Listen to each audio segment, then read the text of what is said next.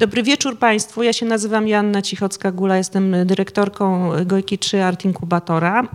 Dzisiaj mamy przyjemność gościć wspaniałych gości, których Przemek Staroń, którym będzie moderatorem tej rozmowy, przedstawi za chwilę. My organizujemy debaty, a odpowiedzialna jest za nie Marta Szadowiak, tu obecna, od dłuższego już czasu. One dotyczą spraw związanych z kulturą, ze zmianami, z zarządzaniem kulturą, ale nie tylko. E, ponieważ e, myśleliśmy o tej debacie o przyszłości, o wizji Sopotu w przyszłości już od dawna, e, to nie jest tak, że myśmy ją zrobili ad hoc po prostu w tym momencie historycznym. Ona była zaplanowana między innymi dlatego, że mamy dwustulecie kurortu w tym roku i 200 lat zobowiązuje. Nie wiem, czy otrzymacie Państwo odpowiedzi na nurtujące Was pytania i czy w ogóle można powiedzieć, jak w perspektywie 30 czy 40 lat wyobrażamy sobie y, historię czy los jakiegokolwiek miejsca, y, ale być może y, pojawią się jakieś prognozy, pomysły, które wskażą jakąś no, nową drogę rozwoju Sopotu albo utrwalą to, co się dzieje w tej chwili, jak miasto w tej chwili funkcjonuje, wygląda. Także bardzo jest mi nam bardzo miło, że przyszliście Państwo i, i mam nadzieję, że będziecie zadawali pytania, bo to jest rzeczywiście dobra okazja, żeby z Państwem tutaj porozmawiać. Dziękuję bardzo, no i oddaję głos Przemkowi. Dzień dobry. E, ja się nazywam Przemek Staroń. Nie chcę mówić tego, co dostaję na ofie, nie będę tego cytować, ale dziękuję za dbanie o moje bezpieczeństwo. Czy słyszysz głosy? Tak. Myślę, że od tego powinniśmy zacząć w ogóle. Tak zupełnie serio. Bardzo miło e, powitać wszystkich. E, to już jest dziewiąta rozmowa w ramach Gojki, a w zasadzie hashtag Gojki 3 Lab. Rozmowa o Sopocie, o opowieści i takich tam różnych ciekawych sprawach. Naprawdę jest fantastyczną ekipą. E, I ja powiem szczerze, że chyba zrobię to najprościej na świecie. Zacznę od powiem, swojej drugiej strony, czyli od Tomasza Słomczyńskiego. Tomasz to jest człowiek, którego książki zakładam, że bardzo wiele osób po prostu zna y, i Kaszebę, i Sopoty. Y, dziennikarz, reportażysta i co bardzo, bardzo istotne, człowiek, który pisząc na przykład o Sopocie, e, pokazuje metody poznawania rzeczywistości, także w takim wymiarze mm, przestrzennym, ale również symbolicznym. I myślę, że więcej mówić nie muszę. Zapraszam do lektury, jeżeli ktoś jeszcze jakimś cudem nie czytał książek Tomka. Ale oczywiście po debacie to wszystko. Tak? Witam serdecznie. Cześć. E, obok Tomasza siedzi Ola Gosk, e, czyli nasza sopocka i teraz tutaj mogłem mówić wiele. Radna, aktywistka, szefowa klubu księgarni Trzy Siostry.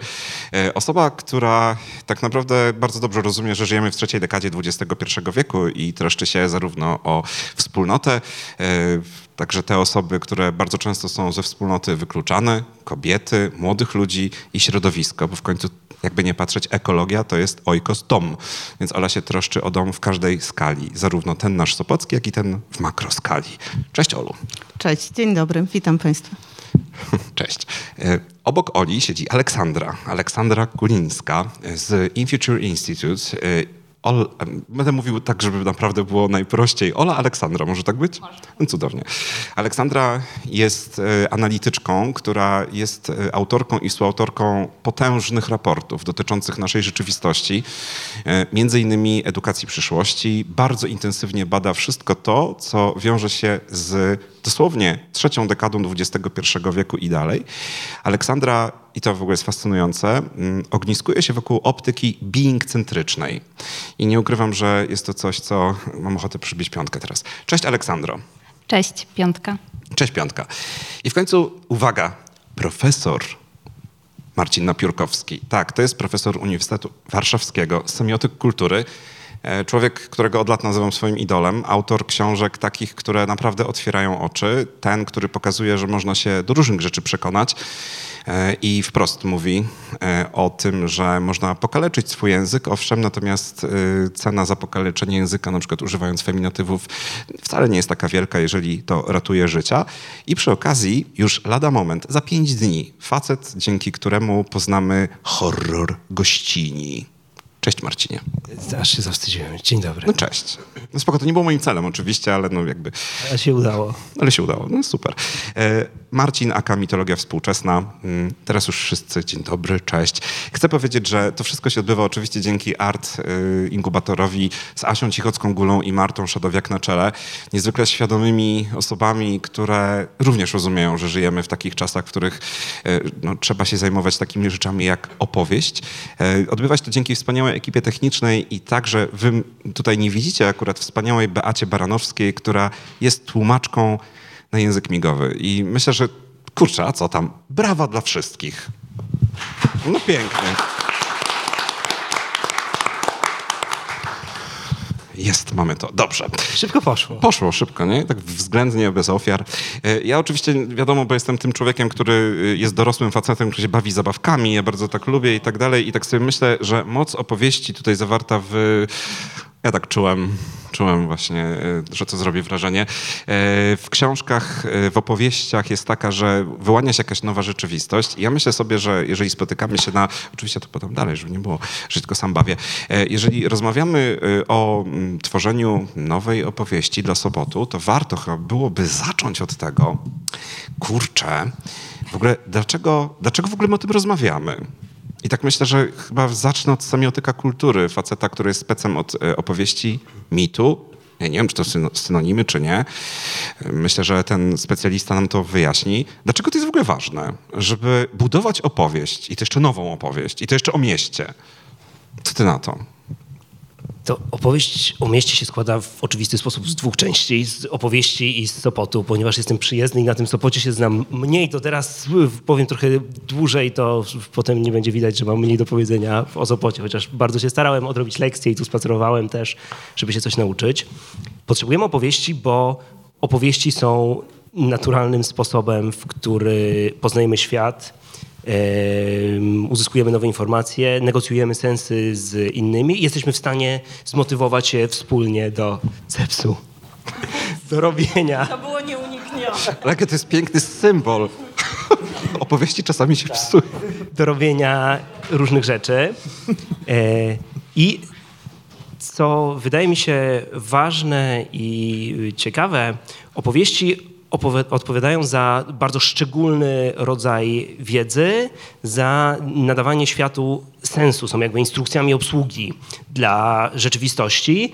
I kiedy myślimy na przykład o mieście, to opowieści opowiadają nam na to pytanie, co to znaczy być mieszkańcem, mieszkanką tego miasta, członkiem, członkinią jakiejś wspólnoty, co to znaczy, że warto tu przyjeżdżać, ale też odpowiadają nam na pytania, co jest za nami, co z tego wynika i co jest przed nami i co z tego wynika. I kiedy mówimy o opowieściach, to pierwsza intuicja, którą mamy, tak nas prowadzi język, y, dotyczy gadania, tego, że mówimy, słuchamy, siedzimy przy ognisku albo y, w jakiś inny sposób wymieniamy się tymi opowieściami, ale y, co wydaje mi się szczególnie ciekawe w przypadku opowieści miejskich, to opowieści są czymś znacznie więcej niż gadaniem. One mają w oczywisty sposób swoją warstwę wizualną bohaterów, y, bohaterki y, naszych ukochanych opowieści widzimy, kiedy zamykamy oczy. Nawet przed czasami Disneya, kiedy te ich twarze zostały zunifikowane, y, mieliśmy jakieś wyobrażenia dotyczące tego, jak wyglądają księżniczki czy, czy bohaterowie z naszych ulubionych historii. Ale opowieści to jeszcze coś więcej. W przypadku miasta, co świetnie pokazuje Michel Desertot, autor książki Wynaleźć codzienność, opowieścią okazują się same y, ulice, powtarzalne drogi, to, że w pewne miejsca każdego dnia docieramy, a w inne miejsca naszego miasta, chociaż geograficznie są tak blisko, y, nigdy się nie zapuszczamy. Te opowiedziane i nieopowiedziane historie miasta, które wyznaczają te rytmy przemieszczania się samochodami, pieszo, na krowach. Podobno kiedyś było dużo krów w Sopocie tutaj, się dowiedziałem przed e, spotkaniem. E, To też są wszystko jakieś opowieści i to nas prowadzi ku ostatniej rzeczy, o której chciałem w tej przydługiej wstępnej wypowiedzi powiedzieć, czyli o tej najciekawszej z punktu widzenia mitologii miejskich formie opowieści, jaką są rytuały kiedy opowieść zyskuje ten status, że staje się ważnym punktem odniesienia dla całej wspólnoty, zwykle zaczynają mi towarzyszyć jakieś praktyki o, o, charakterze rytualnym. E, te praktyki mają bardzo różne formy. E, praktyki kulinarne na przykład. Możemy mieć tutejsze jakieś lokalne jedzenie, przysmak, który nas jednoczy. E, praktyki związane z bywaniem w określonych miejscach w określonym czasie. I kiedy dostałem to zaproszenie z myślą właśnie o nowych opowieściach dla Sopotu, to zacząłem patrzeć, czy są na rynku jakieś fajne pozycje książkowe dotyczące właśnie takiego tworzenia mitologii lokalnych poprzez opowieści, które byłyby też rytuałami. I przypomniała mi się bardzo fajna książka Serdzia Popowicz się nazywa, autor, książka nazywa się Blueprint for Revolution i gość jest, y, był y, dysydentem za czasów Miloszewicza w y, Serbii i teraz jest zawodowym konsultantem do robienia rewolucji jeździ po świecie i uczy młodych ludzi w różnych miejscach, albo oni przyjeżdżają do niego, jeśli tam się nie da przyjechać, w jaki sposób poprzez akcje happeningowe, poprzez e, właśnie wymyślanie jakichś symboli, motywów, czegoś, co można nasprejować na murze, miejsca, w którym się można zebrać, gestu. Ludzie w sytuacjach, w których nie mogą rozmawiać między sobą w pełni otwarcie, mogą tworzyć wspólną opowieść, wspólną jakąś rewolucję. Świetna jest ta książka, Blueprint for Revolution, no ale wydaje mi się, że takiej rewolucji Sopot nie potrzebuje. To znaczy, jak rozumiem, nie macie tu dyktatury, którą chcecie obalić, więc zacząłem szukać dalej, czy są takie przykłady takich działań, jak proponuje Serdzia Popowicz, ale robionych instytucjonalnie. I e, słuchajcie, trafiłem na postać, która jest prawdziwa. Zgooglajcie ją potem. Też jak na początku o niej czytałem, musiałem to sprawdzać w następnym i następnym źródle, bo myślałem, że jest zmyślony.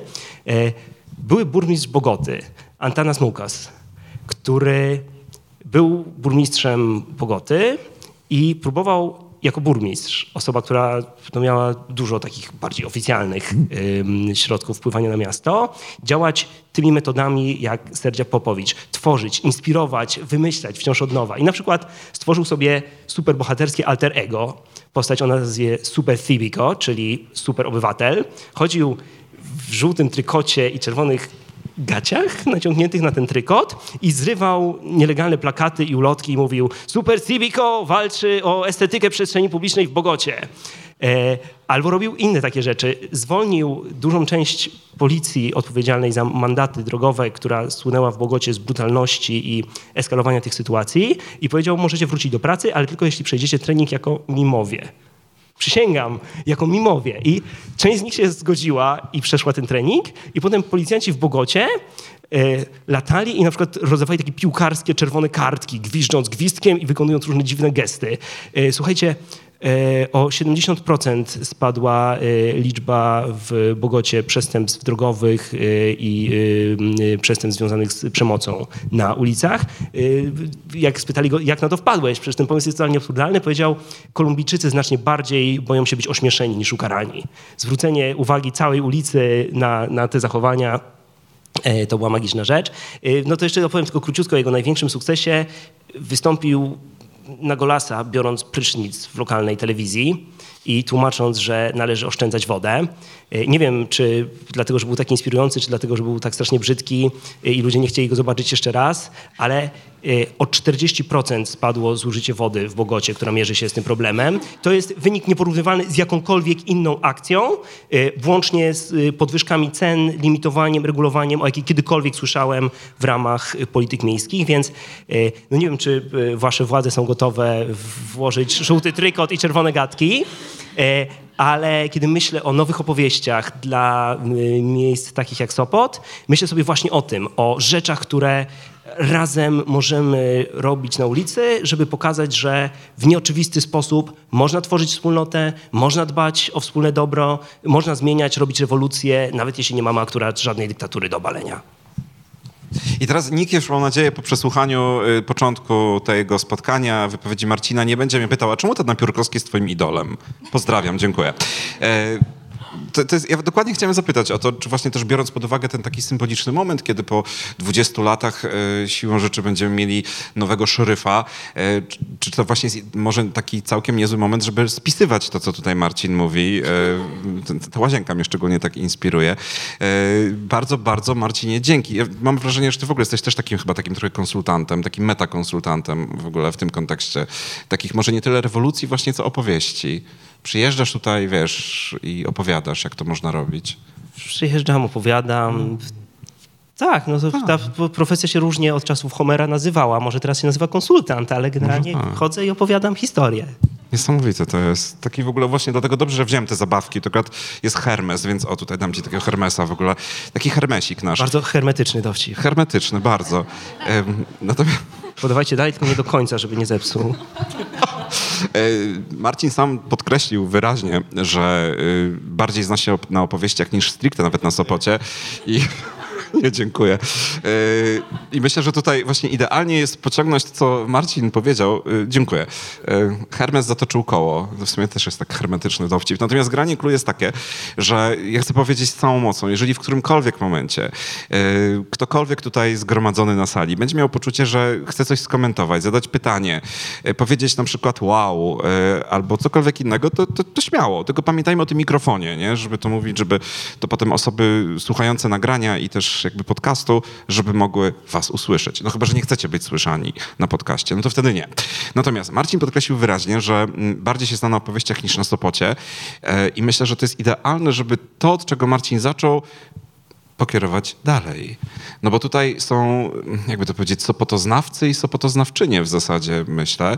E, nie wiem, kto z was najbardziej się takim czuje, sopotoznawcą, znawczynią, no ale ja jakoś tak teraz patrzę na moją pokrewną duszę Ole, więc może zacznę od Oli.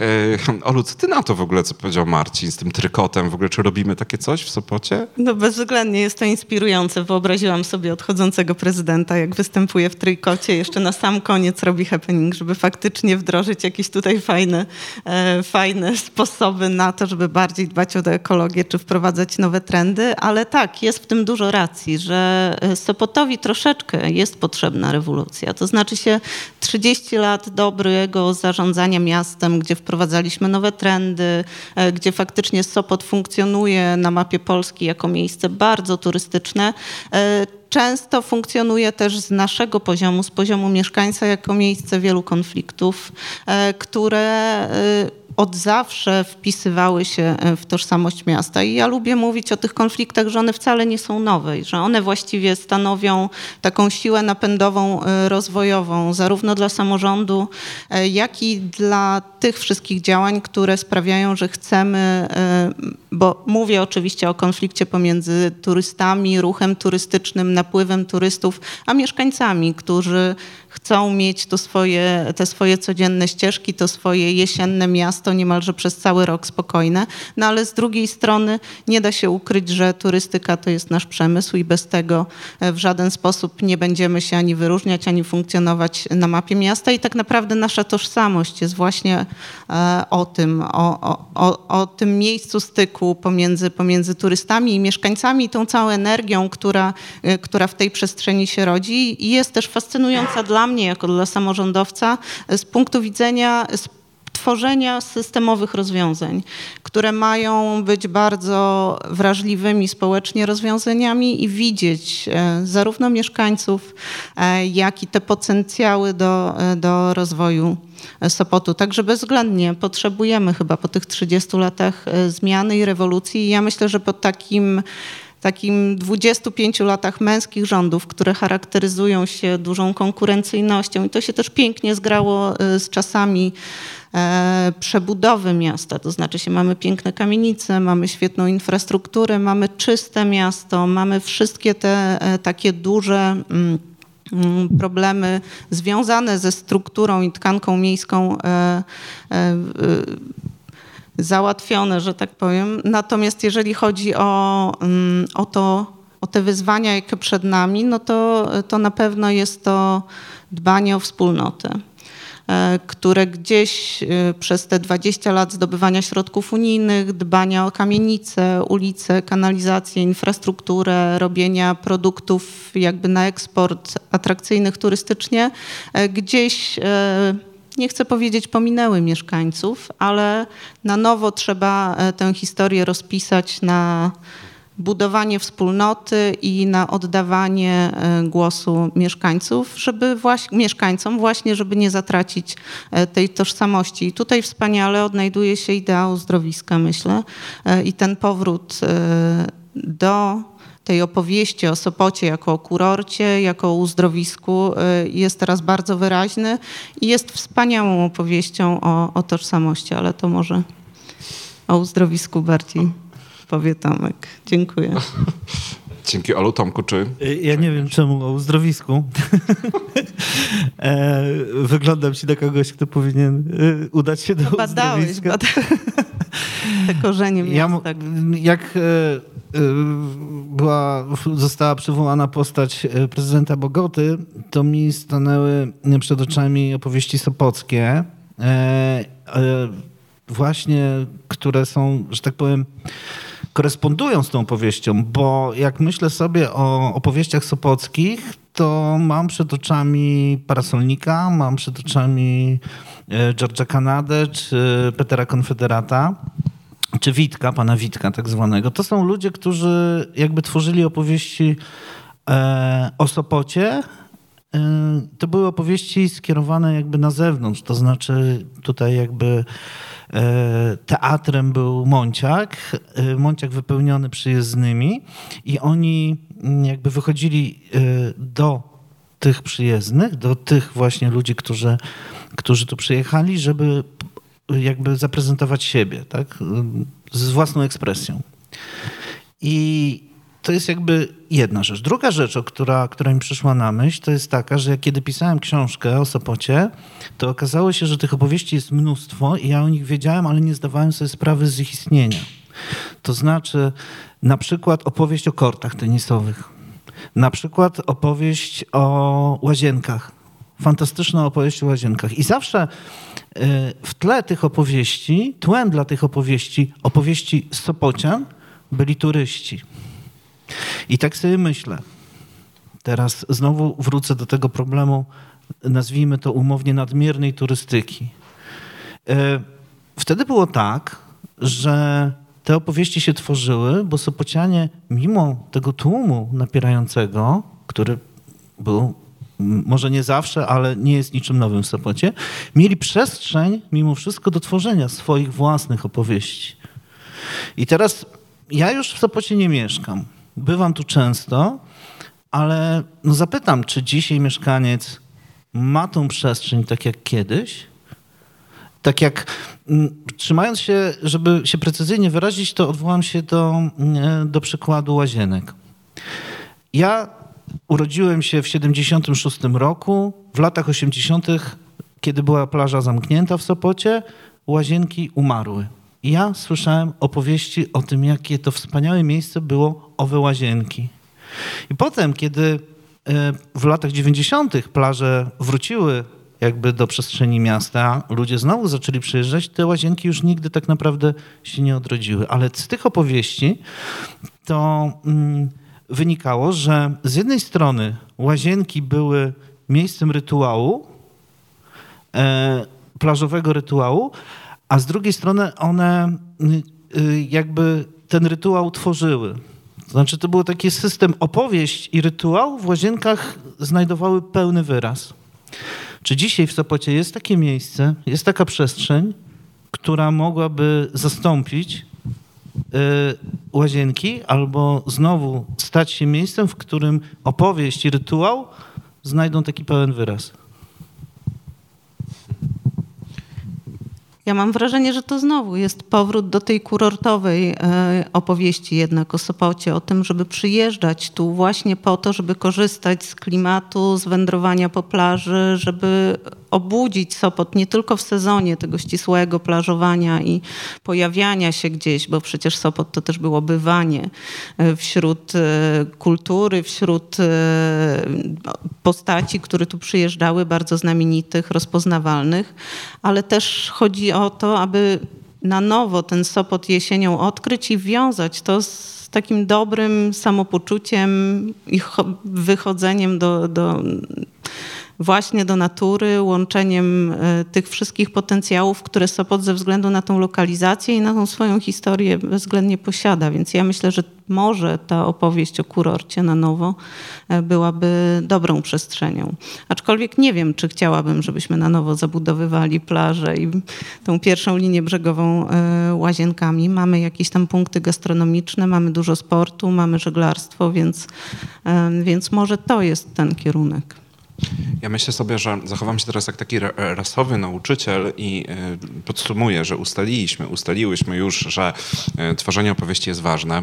E, dotknęliśmy, dotknęłyśmy tego, czym się charakteryzuje dotychczasowa opowieść o Sopocie. Gdzieś tu tak słyszę w tle, że Sopot być może potrzebuje nowej opowieści, i tak sobie myślę, bo mamy tutaj naprawdę ekspertkę od przyszłości, Aleksandro, i tak się zastanawiam w ogóle, co ty myślisz o tym? Czy rzeczywiście Sopot potrzebuje nowej opowieści? Jeśli tak, to dlaczego? Bądź jeśli nie, to dlaczego? Myślę, że zanim y, o tej nowej opowieści, to bym się chętnie odwołała do tego, co mówiliście, do tej kwestii uzdrowiskowej, bo ona jest mi bliska z kilku względów. Y, I jeden jest prywatny, ponieważ jestem wellnessiarą. Y, to... Jeszcze z kim? Wellnessiarą. Są, A wellness. są jesieniary na przykład i są wellnessiary też. Czasami to się łączy. Można być jesieniarą, wellnessiarą. Tak, tak, tak. Jesieniary i wellnessiary to tak, tak. Myślę, że się dogadają. Um, i myślę, że to jest super potencjał y, Sopotu, ale nie ukrywam, że ja y, mam najlepsze moje doświadczenia wellnessiarskie. No niestety y, nie w Trójmieście i nie w Sopocie a bardzo żałuję, bo te moje fajne doświadczenia wellnessiarskie to nie są, mm, bo w ogóle wellness się kojarzy tak strasznie, wiecie, uber kapitalistycznie, e, z jakimiś po prostu spa w drogich hotelach i tak dalej, i tak. To, to nie musi być historia o tym. E, I podam przykład takiego naprawdę cudownego miejsca w Sztokholmie. E, to jest łaźnia miejska, w samym centrum Sztokholmu. Przepiękne miejsce, utrzymane od y, chyba końca XIX wieku. I to miejsce pełni kilka funkcji, bo z jednej strony to jest dostępna, absolutnie demokratyczna łaźnia dla mieszkańców, którzy sobie w ramach swojego rytuału po prostu po pracy e, przychodzą tam. Tam są takie stare wanny, prostu do których no, będę się tutaj rozpływać teraz. E, bierze się kąpiele w gorącej wodzie z olejkami aromaterapeutycznymi, są sauny y, i E, przychodzą tam też turyści i to jest ok, ale oni mają swoje sloty. Może być to slot, w którym się mieszasz z mieszkańcami, ale może być to slot, w którym jesteś po prostu turystą z innym turystą. E, ale to miejsce pełni też funkcję mm, ogólnodostępnej łaźni dla osób w kryzysie bezdomności. W każdy czwartek to miejsce jest dostępne dla osób w kryzysie bezdomności, więc tam się mieszają trzy grupy, które w normalnych warunkach totalnie ze sobą walczą, powiem w cudzysłowie, bo to jest też ta walka swój obcy, tubylec, turysta. Nie? I teraz mam wrażenie, że doświadczamy trochę takiego paradoksu, że mm, widziałam ostatnio, że jest wydany jakiś y, przewodnik po knajpach, w których nie ma influencerów, albo po knajpach, których nie znają influencerzy. Nie? Więc to jest przewodnik dla mieszkańców, taki, gdzie idziesz do knajpy, masz pewność, że y, to nie będzie jakieś y, miejsce, gdzie możesz spotkać jakieś znane osoby albo gdzie nie będzie masy turystów. Y, z drugiej strony sami turyści szukają teraz miejsc, które nie są turystyczne. Czyli wyjeżdżamy do jakiegoś miejsca, ale jak, no, no myślę, że każdy z nas tak miał, że jak idziemy do nowego miejsca i No, najbardziej nieturystyczne, e, wiecie, miejsca w, nie wiem, Kopenhadze gdzieś tam. I wtedy macie przewodniki od mieszkańców, od lokalsów, którzy gdzieś tam was prowadzą swoją ścieżką. Więc to jest jakiś paradoks, że teraz turyści i turystki chcą mieć trochę prawa mieszkańców i mieszkanek, a mieszkańcy i mieszkanki zaczynają się dopominać o prawa turystów i turystek, nie? bo im jest tak wygodnie, bo oni mają dostęp, bo jak oni są e, w danym miejscu, to wtedy tyle się dzieje, są festiwale, jest, e, jest to, jest tamto. Więc to jest jakiś paradoks i myślę, że z tego powodu właśnie chyba potrzebujemy jakiejś nowej opowieści. Mnie bardzo kusi. Yy, ta opowieść o uzdrowisku, bo mam też takie poczucie, że yy, no, po prostu zdrowe miasto to zdrowi mieszkańcy i mieszkanki. Więc myślę, że warto też się zastanowić, co stanowi o zdrowiu yy, miasta. I jak sobie tak tutaj jechałam, to miałam taką w ogóle bardzo dziwaczną wizję, odklejoną trochę i sobie wyobraziłam, że Sopot to jest taki, co to była za postać Gulliver, ten taki wielki, tak? To był Gulliver? Tak, że, że, że miasto jest takim właśnie taką wielką postacią i że wiecie, yy, i co to miasto, ja, jakie, yy, jaka byłaby ta postać miejska, jeśli miałaby żyć w Sopocie? Co ona by jadła? Czy ona by jadła, miałaby dostęp do dobrej, gatunkowo-jakościowej żywności, czy miałaby dostęp na Monciaku do fast foodów i do żabki? Y, czy ona miałaby y, blisko do lasu i do morza? Czy to byłby dostęp bezpłatny, czy nie? Czy miałaby blisko i czy miałaby dostęp do transportu, żeby się dostać do swojej koleżanki, y, nie wiem, w Kartuzach albo w Sopocie? czy nie. Więc myślę, że to jest takie też ćwiczenie trochę na wyobraźnię, żebyśmy sobie zadali pytanie, czy to miasto, jakbyśmy sobie mieli wyobrazić to miasto jako osobę, byłoby zdrowe czy, czy chore. Mów, mów śmiało. No to jest bardzo, e, bardzo ciekawe spostrzeżenie, które być może uzupełnia o to, że dla mnie miejsca atrakcyjne turystycznie to są takie, w których jest żywa cały czas wspólnota mieszkańców. I to wspólnota mieszkańców tworzy jakiś unikalny klimat danej przestrzeni, która mnie przyciąga. I trzeba bardzo uważać, żeby właśnie pomiędzy tymi dwoma, dwiema płaszczyznami turystów i mieszkańców nie zaniedbać tej wspólnoty, która tworzy ten e, niepowtarzalny klimat, bo faktycznie faktycznie ulica Monte Cassino jest bardzo uniwersalną przestrzenią, gdzie są głównie żabki, a kiedyś było mnóstwo fantastycznych lokali i, i ten potencjał y, Sopotu był właśnie y, określany jako miejsce charakterystyczne, ponieważ byli tutaj i artyści, y, i, i ta lokalna mm, lokalny klimat bardzo, bardzo rozpoznawalny no, przyciągał do Sopotu ludzi. Dzisiaj musimy bardzo uważać na to, żeby to nie było miejsce, gdzie głównie kojarzymy się ze sprzedażą e, gofrów i właśnie nawet wellness, spa usługami tylko. I tu musimy też uważać, bo przy narracji o uzdrowisku, do której tak chętnie wracamy, zapominamy kompletnie właśnie o takiej przedsiębiorczości, bo wydaje się, że pozornie te dwie rzeczy stoją ze sobą w sprzeczności, no bo przecież kurort, uzdrowisko to spokój, to z pozoru też seniorzy, więc warto też temu opowieść o uzdrowisku odczarować, że ona jest nie tylko dla e, osób, dla podratowania zdrowia, ale jest generalnie pewnym e, elementem codzienności życia, który chcielibyśmy e, wprowadzić i przy tym pędzie dzisiejszym potrzebujemy go, więc no, trudne jest złożenie tej opowieści o, o Sopocie na nowo, ale ja, bezwzględnie jest ona potrzebna. Ja sobie myślę tak, że mm, ty występujesz w roli samorządowca, w roli animatora, kogoś, kto, kto ma jakąś siłę sprawczą, większą lub mniejszą w, w mieście. Ja natomiast z pozycji y, słuchacza opowieści, wiesz, jako dziennikarz, reporter czy pisarz, i ja się wsłuchuję w te opowieści i mam taką refleksję, że e, te opowieści mają dwojaki rodzaj, ale te dwa rodzaje się nawzajem przenikają i wydaje mi się, że już zaraz powiem o co chodzi. Wydaje mi się, że niezmiernie ważne jest, żeby stworzyć warunki, żeby te opowieści mogły się przenikać. Otóż opowieść jest opowieść y, mm, włodarzy miasta. Otóż mamy molo, mamy Monciak, zapraszamy, będziemy robić uzdrowisko, przyjeżdżajcie do Sopotu. Jest opowieść mieszkańców, tak? Opowieść mieszkańców jest taka. Całe życie chodzę po tym chodniku, całe życie patrzę na to drzewo, Całe życie robię coś. Moja przestrzeń to mój ogródek, ogródek sąsiadki, droga do piekarni i tak dalej. I tych opowieści jest mnóstwo. I teraz, jeżeli, yy, bo mam wrażenie, że niestety tak jest dzisiaj, że opowieści w tej sferze prywatnej oddziela jakiś jakiś, nie chcę powiedzieć przepaść, ale zbyt duża przestrzeń od tych opowieści, że tak powiem, folderowych, które są wynikiem y, jakichś zamierzeń polityki miasta, mówmy się. Trzeba by stworzyć taką przestrzeń, żeby te opowieści znowu zaczęły się łączyć, bo wiadomo, że łazienki wybudowały władze miasta, ówczesnego socjalistycznego kurortu. Ale ja dzisiaj nie słyszę opowieści o tym, jak budowano łazienki, tylko słyszę o tym, jak w tych łazienkach Sopocianie spędzali czas. I jakby to jest ten, ta przestrzeń, gdzie te dwie opowieści znalazły swoje miejsce. Pytanie, czy jak wybudujemy te spa, czy tam pan Józef z panią Barbarą będą mieli swoje własne opowieści o tym spa?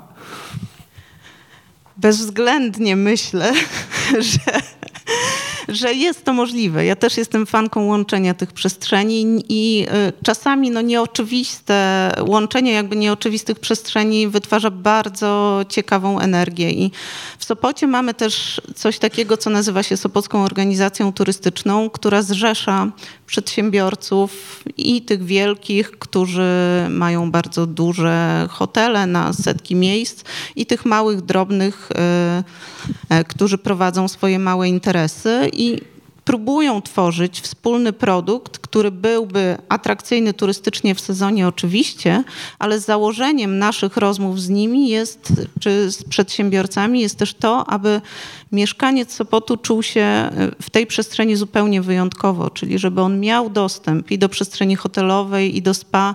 I takich zniżek mieszkańcy mają całe mnóstwo. I ja sama z nich korzystam. Nie wiem jak Państwo, ale zdarza mi się dość regularnie e, korzystać właśnie z tego przywileju, że mogę sobie wejść na molo, że mogę sobie e, rano pobiegać po plaży, a wieczorem wyjść na spacer do lasu. Więc wydaje się, że jest to możliwe, tylko faktycznie do nas, do włodarzy, ale także do środowiska należy to, aby e, komunikować to i, i próbować łączyć, a nie e, grać tylko na jedną bądź na drugą opowieść.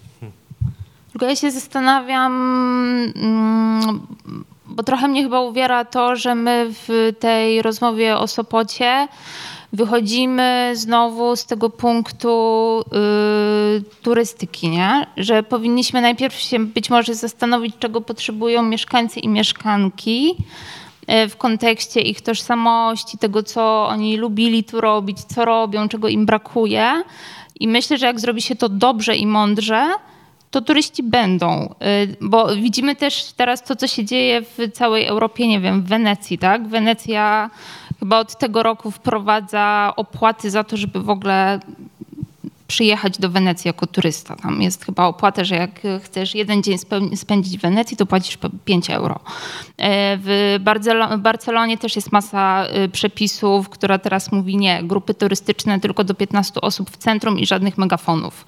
Nie? Że ludzie zaczynają totalnie się upominać o ciszę, y, o swoje prawa w mieście. Miasto należy do mieszkańców, a nie do turystów i turystek.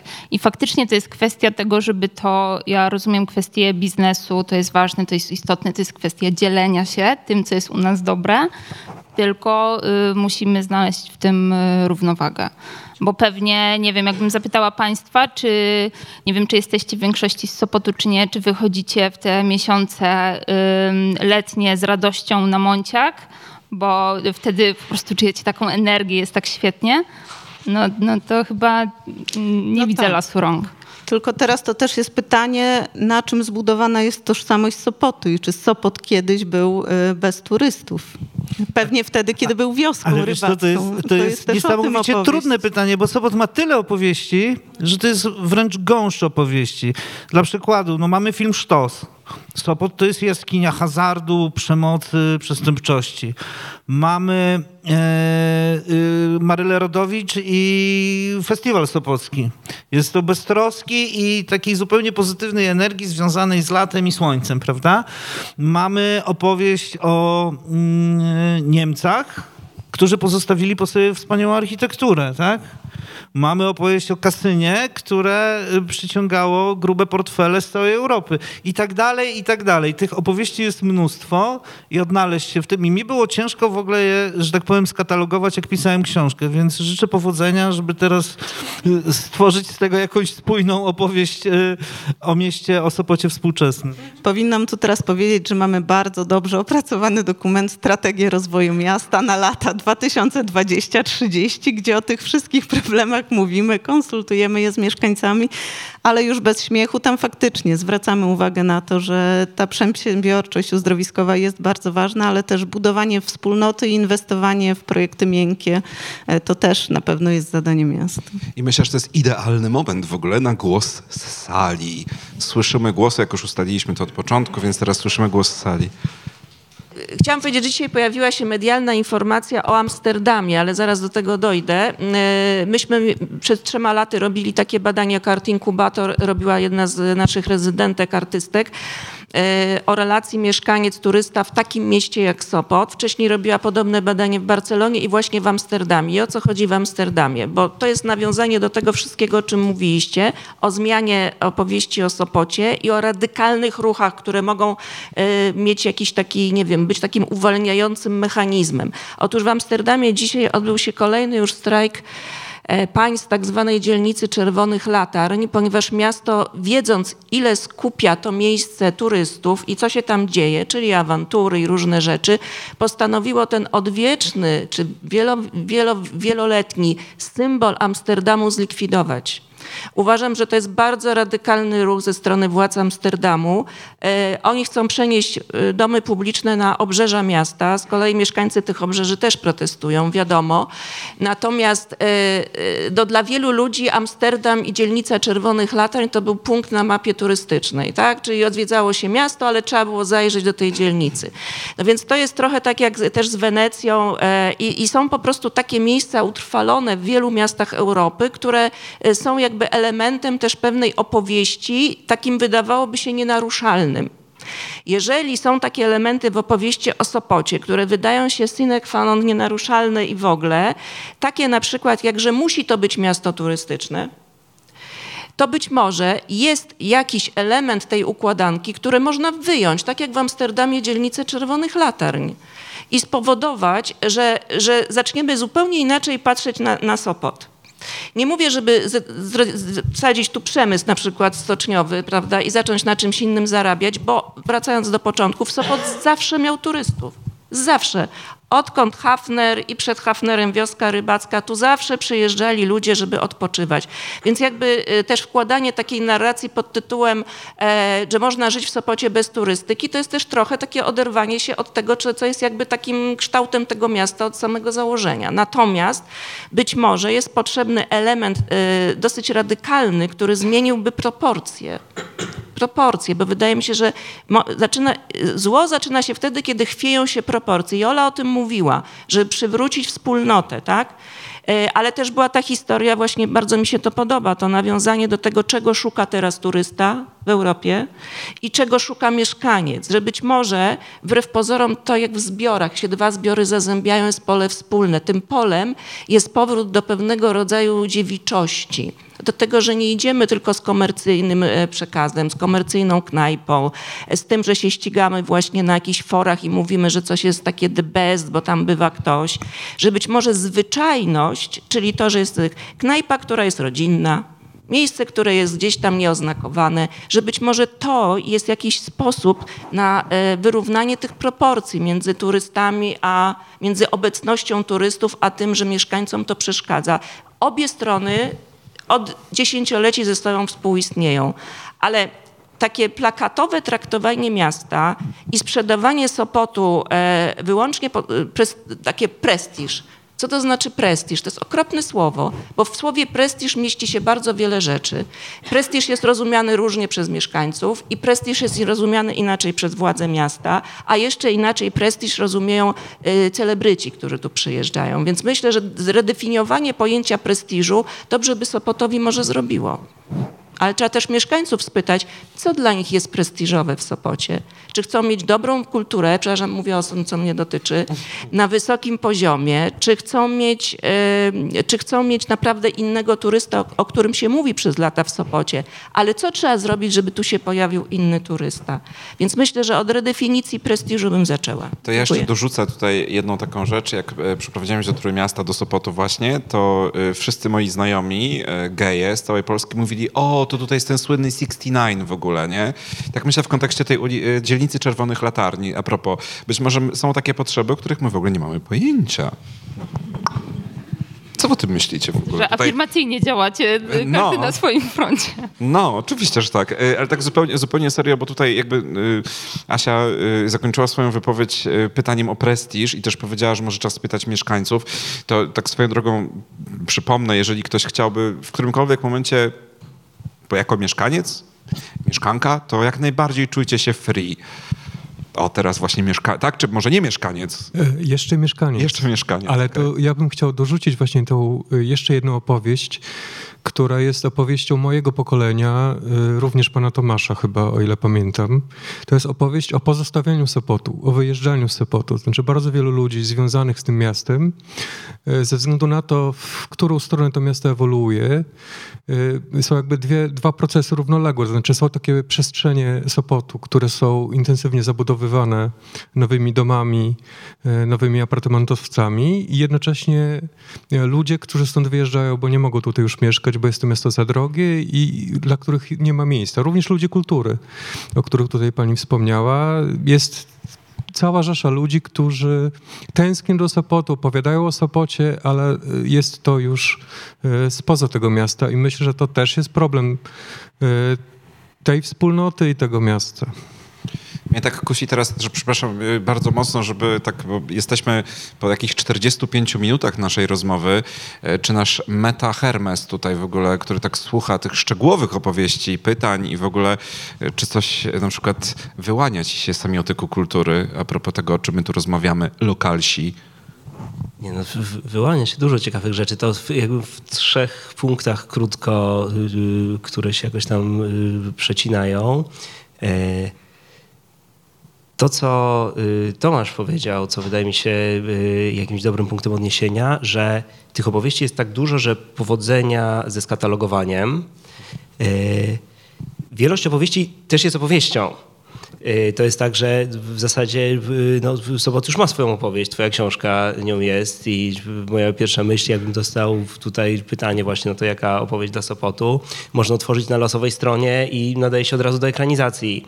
Y, Tam właśnie już było o kasynie, o Szwedach jeszcze nie mówiłeś, o fascynujące historie tych walk milicji z ubecją, ubecji z wojskiem, wojska z milicją, albo totalnie przerażające historie o wejściu do Armii Czerwonej i o tym, co się działo z mieszkankami. Y, Więc po pierwsze te, te opowieści są bardzo różne, a z tej różnorodności się wyłania jakaś następna metaopowieść, którą właśnie y, no, ucho reportera wychwytuje od razu. Y, I to może być fajne i do tego zaraz wrócę, ale najpierw punkt drugi, czyli że to może być też niefajne. Ja zawsze w ramach przygotowań do takich spotkań, pierwsze co robię, to myślę, jakbym miał przygotowywać taki raport semiotyczny. I badam, jakie są pierwsze rzeczy, które wyskakują, jak się w wyszukiwarkę wpisze Sopot, jakie obrazy towarzyszą y, i tak dalej.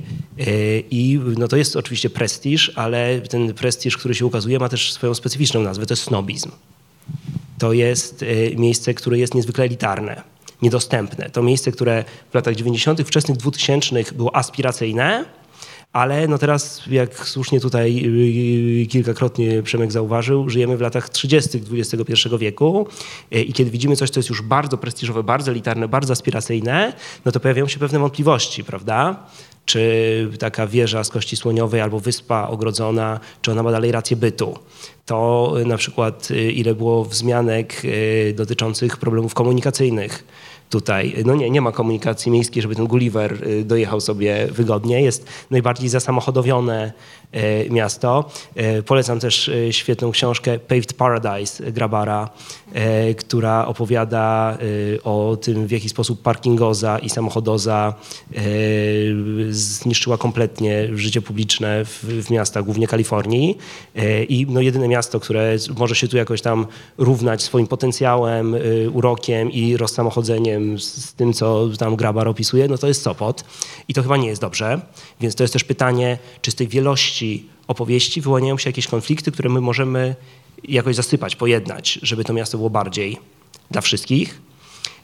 No i trzeci punkt, który jakoś z tego bym wydobył, to że kiedy myślimy o opowieściach, kiedy myślimy o nowej opowieści dla miasta, to no jesteśmy tylko ludźmi i myślimy najpierw o gadaniu. Czyli opowieść to to, że ja powiem, teraz będę mówił, PR, komunikacja i tak dalej, a opowieści są tak niesamowite ważne dla nas jako dla gatunku, bo one służą przede wszystkim do słuchania. Znaczy opowieści są naszym fundamentalnym narzędziem poznawania świata, bo możemy dzięki opowieściom budować empatię, patrzeć na świat cudzymi, innymi oczami. Są niesamowite badania psychologiczne pokazujące, jak to działa. Że dzięki wymianie opowieści jesteśmy w stanie wyjść z siebie, stanąć obok, spojrzeć na świat czyimiś oczyma. Y, no i wtedy ten trzeci etap, kiedy mamy to mówienie i słuchanie, y, to jest ten moment, kiedy możemy przemyśleć swoje priorytety i kiedy rodzi się dialog, kiedy okazuje się, że współistnienia wielu opowieści, tak jak w dobrej książce reporterskiej, y, wyłania się w przestrzeni miejskiej coś, co jest jakąś nową, dodaną wartością, że te głosy brzmią w harmonii. Nie musimy mieć wszyscy wspólnej opowieści opowieści ale możemy uczyć się jakoś właśnie tego współistnienia opowieści. I to oczywiście dzieje się na różnych płaszczyznach. W Barcelonie to już była kilka razy mowa y, w ramach projektu badawczego Future for Citizens, takiego europejskiego, y, w którym pracuję. Y, robimy właśnie badania w Barcelonie, które polegają na tym, że jest taka wielka jakby konsultacja społeczna, gdzie ludzie wymieniają się swoimi opowieściami w taki systematyczny sposób. My wykorzystujemy tam taką metodę episodic future thinking, czyli to jest jak wspomnienie tylko, że z przyszłości. Ludzie najpierw rozmawiają o problemach, które mają, a potem opowiadają o swoim dniu za 10 lat, kiedy te problemy zostały rozwiązane i w jaki sposób działania różnych podmiotów w Barcelonie i też rządowych doprowadziły krok po kroku do rozwiązania tego problemu, na przykład nie wiem, w związku z bezrobociem i AI, albo y, właśnie nadmiaru turystów y, i tak na zasadzie inżynierii odwróconej cofamy się do tego dnia, co musimy zrobić jutro, żeby za 10 lat być w tym miejscu. Yy, nie mam jeszcze wyników do opracowania, pozostają, yy, ale no już wiem, że tam się wyłaniają bardzo interesujące rzeczy. I oczywiście na jakimś poziomie, yy, jak w Barcelonie, to czemu nie w Sopocie? Można by tu przeprowadzić takie badania i się spotkać i porozmawiać, ale wydaje mi się, że one, taki, możliwość w ogóle takich badań przypomina nam o czymś więcej, to znaczy całe miasto jest takim laboratorium które jeśli jest dobrze zaprojektowane, działa jak taki wielki eksperyment. Jeśli budujemy miasto, w którym szlaki różnych ludzi się przecinają, a nie są oddzielone od siebie murami i przepaściami, to w naturalny sposób te opowieści się zderzają i to miasto, które samo jest opowieścią, zaczyna się dostosowywać. E, więc e, jak się zmieniają włodarze, to jest zawsze dobra okazja, żeby zadać sobie to pytanie, czy nasze miasto jako struktura buduje fosy, zasieki, czy jest tym miejscem, gdzie spokojnie te narracje się zderzają, czasem jakoś tak brutalnie i spektakularnie, może nie od razu bójki ubecji z milicją, ale e, no, jakieś bójki zawsze muszą być, e, żeby te opowieści stale się wyłaniały, żebyśmy rozmawiali o tych różnych przyszłościach, różnych wizjach, e, które mamy i brzmieli właśnie jako wielogłos, bo wiele opowieści jest zawsze lepsze niż jedna. Ja mogę dodać tylko do tego, co powiedziałeś o przyszłości, o tych metodach, bo to jest super ciekawe. E, ja ostatnio e, przeprowadziłam taki krótki eksperyment i poprosiłam mieszkańców Gdańska, ale to jest absolutnie do powtórzenia. E, rozdałam im, kupiłam na poczcie najbardziej kiczowate pocztówki z Gdańskiem, jakie można było tylko wybrać pani przy okienku mnie zapytała, dlaczego akurat kupuję 50 tak brzydkich pocztówek. milczałam i poprosiłam mieszkańców o to, żeby wysłali taką metaforyczną pocztówkę z przyszłości z Gdańska, z przyszłości. I tam naprawdę były też wspaniałe opowieści. E, no o ich takim super, ale czasem nie super życiu w Gdańsku. Więc myślę, że to jest takie bardzo proste i banalne ćwiczenie, które i możecie sobie zrobić sami w domu, ale myślę, że na poziomie samorządu jakiegoś eksperymentu też sobie można je e, robić. Ale poruszyłeś też inny super istotny temat, który bardzo wybrzmiewa teraz w kontekście miast. Nie wiem na ile on jest y, widoczny w Sopocie, nie znam tutaj struktury y, mieszkańców i mieszkanek, ale to jest temat osamotnienia.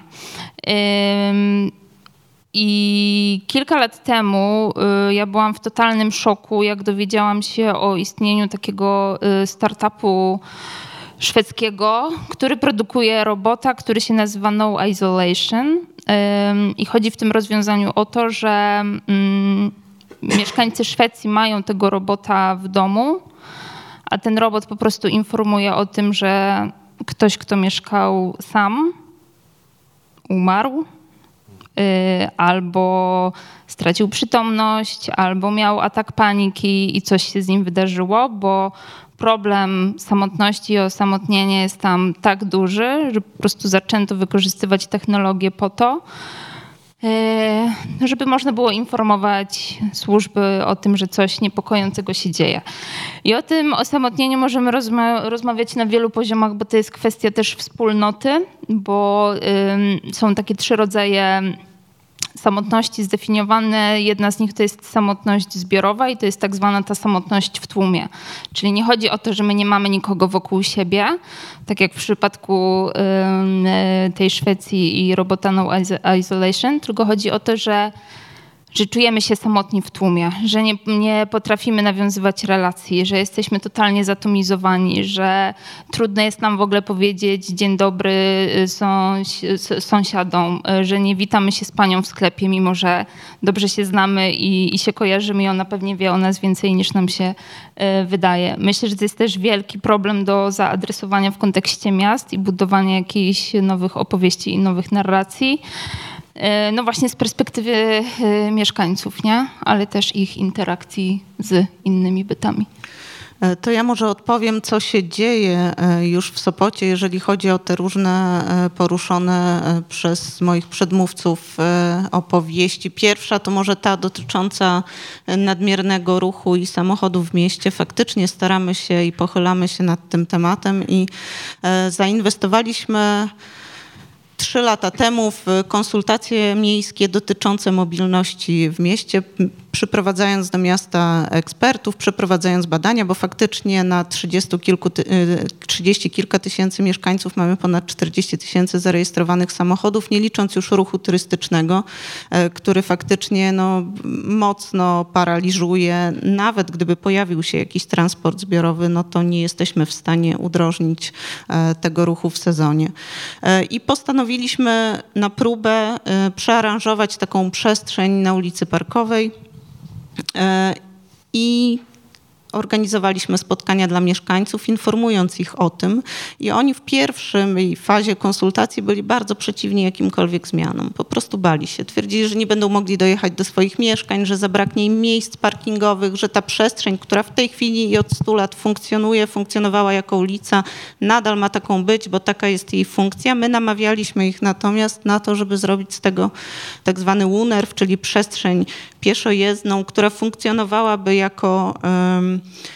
no nie tylko e, ulica i miejsce do parkowania samochodów, ale przyjazna przestrzeń e, dla wszystkich, gdzie równorzędnym byłby rowerzysta, mieszkaniec, e, ale także kierujący samochodem. No i efekty tego, jak ta przestrzeń się zmieniła, przerosły nasze najśmielsze oczekiwania. Faktycznie ulica Parkowa nie jest już teraz zastawiona samochodami, które kompletnie zasłaniały fasadę kamienic. Mieszkańcy znaleźli miejsce do parkowania na swoich podwórkach a dla turystów ta przestrzeń w ogóle nie funkcjonuje jako miejsce, gdzie można ewentualnie przy plaży wcisnąć się jeszcze samochodem. Ona w ogóle nie funkcjonuje jako przestrzeń, w której można e, zaparkować samochód. Także próbujemy teraz takich unerfów e, organizować jeszcze kilka, między innymi na ulicy Kolejowej, to dla Sopocian przy dworcu, ale też rozważamy, czy część ulicy Hafnera nie powinna się zdać, stać taką właśnie przestrzenią, bo mamy też świadomość, że dobrze byłoby odciążyć ulicę Monte Cassino i trochę tę przedsiębiorczość usługową, turystyczną, gastronomiczną zdecentralizować. To by było z korzyścią chyba E, dla, dla wszystkich. Jeżeli chodzi o tę samotność, to wprowadzamy taki system deinstytucjonalizacji usług społecznych. E, to jest coś, na co pozyskaliśmy ostatnio granty i e, bardzo leży nam to na sercu. I faktycznie cały Sopocki MOPS, jak i Wydział Zdrowia Urzędu Miasta pochyla się nad tym, najpierw przeprowadzając diagnozę i zastanawiając się, pytając Sopocian, jakich usług w domu, na miejscu oni potrzebują i do tych potrzeb potem budować narzędzia.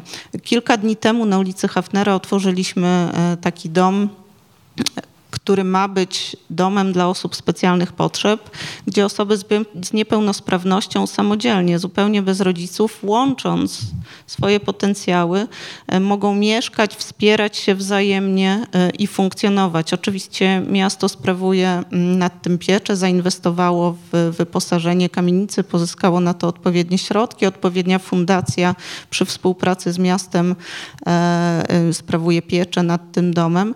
No i to, jak życie tam płynie, jest też zupełnie fascynujące, bo to są osoby, z których każdy ma jakiś obszar sprawności, wspierają się nawzajem, e, są aktywne zawodowo w takim obszarze, e, jakim odpowiada i przede wszystkim są samodzielne, czyli nie potrzebują rodziców, e, opiekunów do tego, żeby funkcjonować, wspierają się nawzajem. Więc myślę, że w Sopocie próbujemy i myślimy nad tym, jakie modele wprowadzać. Jeszcze o zmianie mm, zmianie władz i o tym, co y, w tym obszarze się dzieje. E, ostatnio prężnie funkcjonującym w Sopocie jest też Stowarzyszenie Sopot dla Ciebie. Jest to stowarzyszenie, które wyrosło z potrzeby, no bo jesteśmy w pewnym momencie jako mieszkańcy Mówi się nawet o tym, że opuszczeni przez włodarza byliśmy przez pięć, sześć, przepraszam, kadencji przyzwyczajeni do tego, że wygrywa jeden prezydent i faktycznie wygrywał on, on, większością głosów. Nie było do tej pory na tyle silnego e, kontrkandydata, który mógłby stanowić nawet konkurencję. Byliśmy jako mieszkańcy nawet roz, rozleniwieni troszeczkę, no bo nie musieliśmy specjalnie zastanawiać się nad tym, kogo wybrać. Wiadomo było, że jest prezydent Karnowski. E, pewnie wszyscy w większości zagłosują na niego i i nie musieliśmy dokonywać takiego wyboru. No teraz zastanawiamy się bardzo e, nad tym, kto ma być e, kolejnym zarządzającym miastem. Pojawia się tutaj postać Magdaleny Czerzyńskiej-Jakim, obecnej wiceprezydent i ona budując jakby swój program i starając się zrozumieć na czym polega potencjał Sopotu i o czym ma być ta opowieść o Sopocie przyszłości, organizuje od kilku miesięcy takie spotkania E, mieszkańców, e, na które Państwa też bardzo serdecznie zapraszam, gdzie rozmawiamy o konkretnych e, obszarach miasta, skupiając się zarówno na problemach, jak i na tych naszych marzeniach które chcielibyśmy e, wdrożyć w życie. Nie wiem, czy tam pojawi się pomysł mm, występowania w trykotach, czy, e, czy jakieś opowieści o superbohaterach. Było publiczne, że tak powiem, strzyżenie, więc Publiczne strzyżenie, blisko. tak, ale to jest opowieść, która już jest za nami, natomiast przed nami faktycznie coś zupełnie nowego e, i te spotkania są fajne, jest tam dużo energii, e, pojawia się tam e, dużo nowych tematów, ale też to są spotkania, w których e, tematy, o których do tej pory nie mówiło się, nagle się pojawiają, czyli że jest w Sopocie nie tylko pięknie i wspaniale, ale tu gdzieś jest jakiś konflikt, tutaj jest jakiś problem, więc ta zmiana otwiera też mieszkańców i daje zupełnie nowe, nowe rozwiązania. A ja sobie tak myślę, że e, chciałbym nawiązać do dwóch wypowiedzi z sali. E, Joanna mówi o prestiżu, e, o e, nowej definicji, zredefiniowaniu tego pojęcia.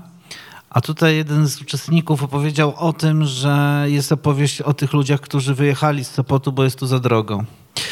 I tak sobie myślę, że te dwie opowieści łączą się w tym punkcie, że jest tutaj, e, że prestiż jest czymś, co w takim nasyconym dobrami e, konsumpcyjnymi społeczeństwie jak nasze staje się kolejnym dobrem konsumpcyjnym. I jesteśmy, znaczy ja nie, aktualnie ja nie cierpię tego, jak ja słyszę słowo prestiż, to, to dostaję drgawek. Natomiast wielu, wielu ludzi jest w stanie zapłacić za prestiż i zapłacić duże pieniądze za prestiż, czyli metr kwadratowy mieszkania średniej jakości w Sopocie będzie o wiele droższy niż w Ciechocinku czy we Włocławku, bo, bo prestiż, tak? Czyli prestiż ma swoją cenę. I to jest powód, dla którego wielu z nas uznało, że to miasto jest za drogie, w sensie, a no, no, umówmy się, no chleb może kosztuje podobnie, ale chodzi o ceny nieruchomości.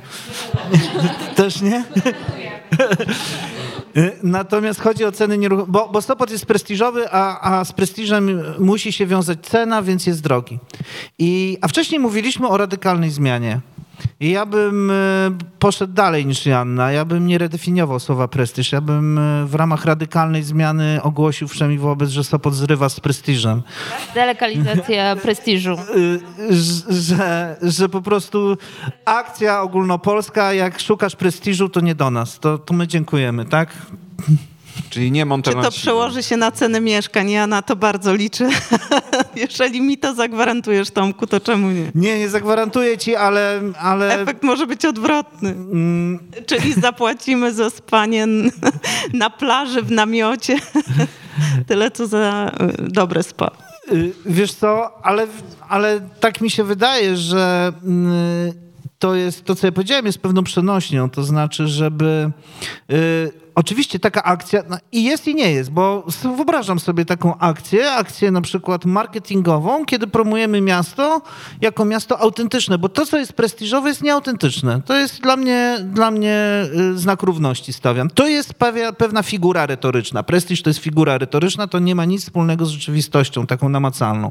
A więc Sopot staje się miastem prawdziwym, a nie prestiżowym. Można zrobić taką kampanię, ale też chodzi o myślenie o tym, jakie będziemy prowadzili inwestycje i w którą stronę będziemy szli, że prestiż to jest pętla na szyi tego miasta, a nie coś, co je będzie budować. O ja. Tak, to... ciekawe. Zapraszamy cię na spotkanie. No to bardzo mi się podoba ta inicjatywa zaproszenia Tomasza, bo to jest w ogóle piękne właśnie z takich e, cyrkulacji idei, którą, e, którymi są rozmowy między innymi tutaj właśnie w Art Gojki, e, no powstają pewne syntezy tych idei. Ja chciałbym w ogóle oczywiście zapytać teraz, czy którekolwiek z was do tego, co tu się już zadziało, nie wiem, ma cokolwiek do dodania, bo jesteśmy mniej więcej na kwadrans przed końcem. E, ja tym czasem tak chcę zarządzić najmądrzej, ale jednak to jest kluczowe dla mnie. Czy któryś z was do czegokolwiek, jakaś myśl, która gdzieś została zachowana w trakcie? Po ile kajzerka jest w Sopocie teraz? Po ile kajzerka? Czy ktoś tu się orientuje szczegółowo? Złotówkę.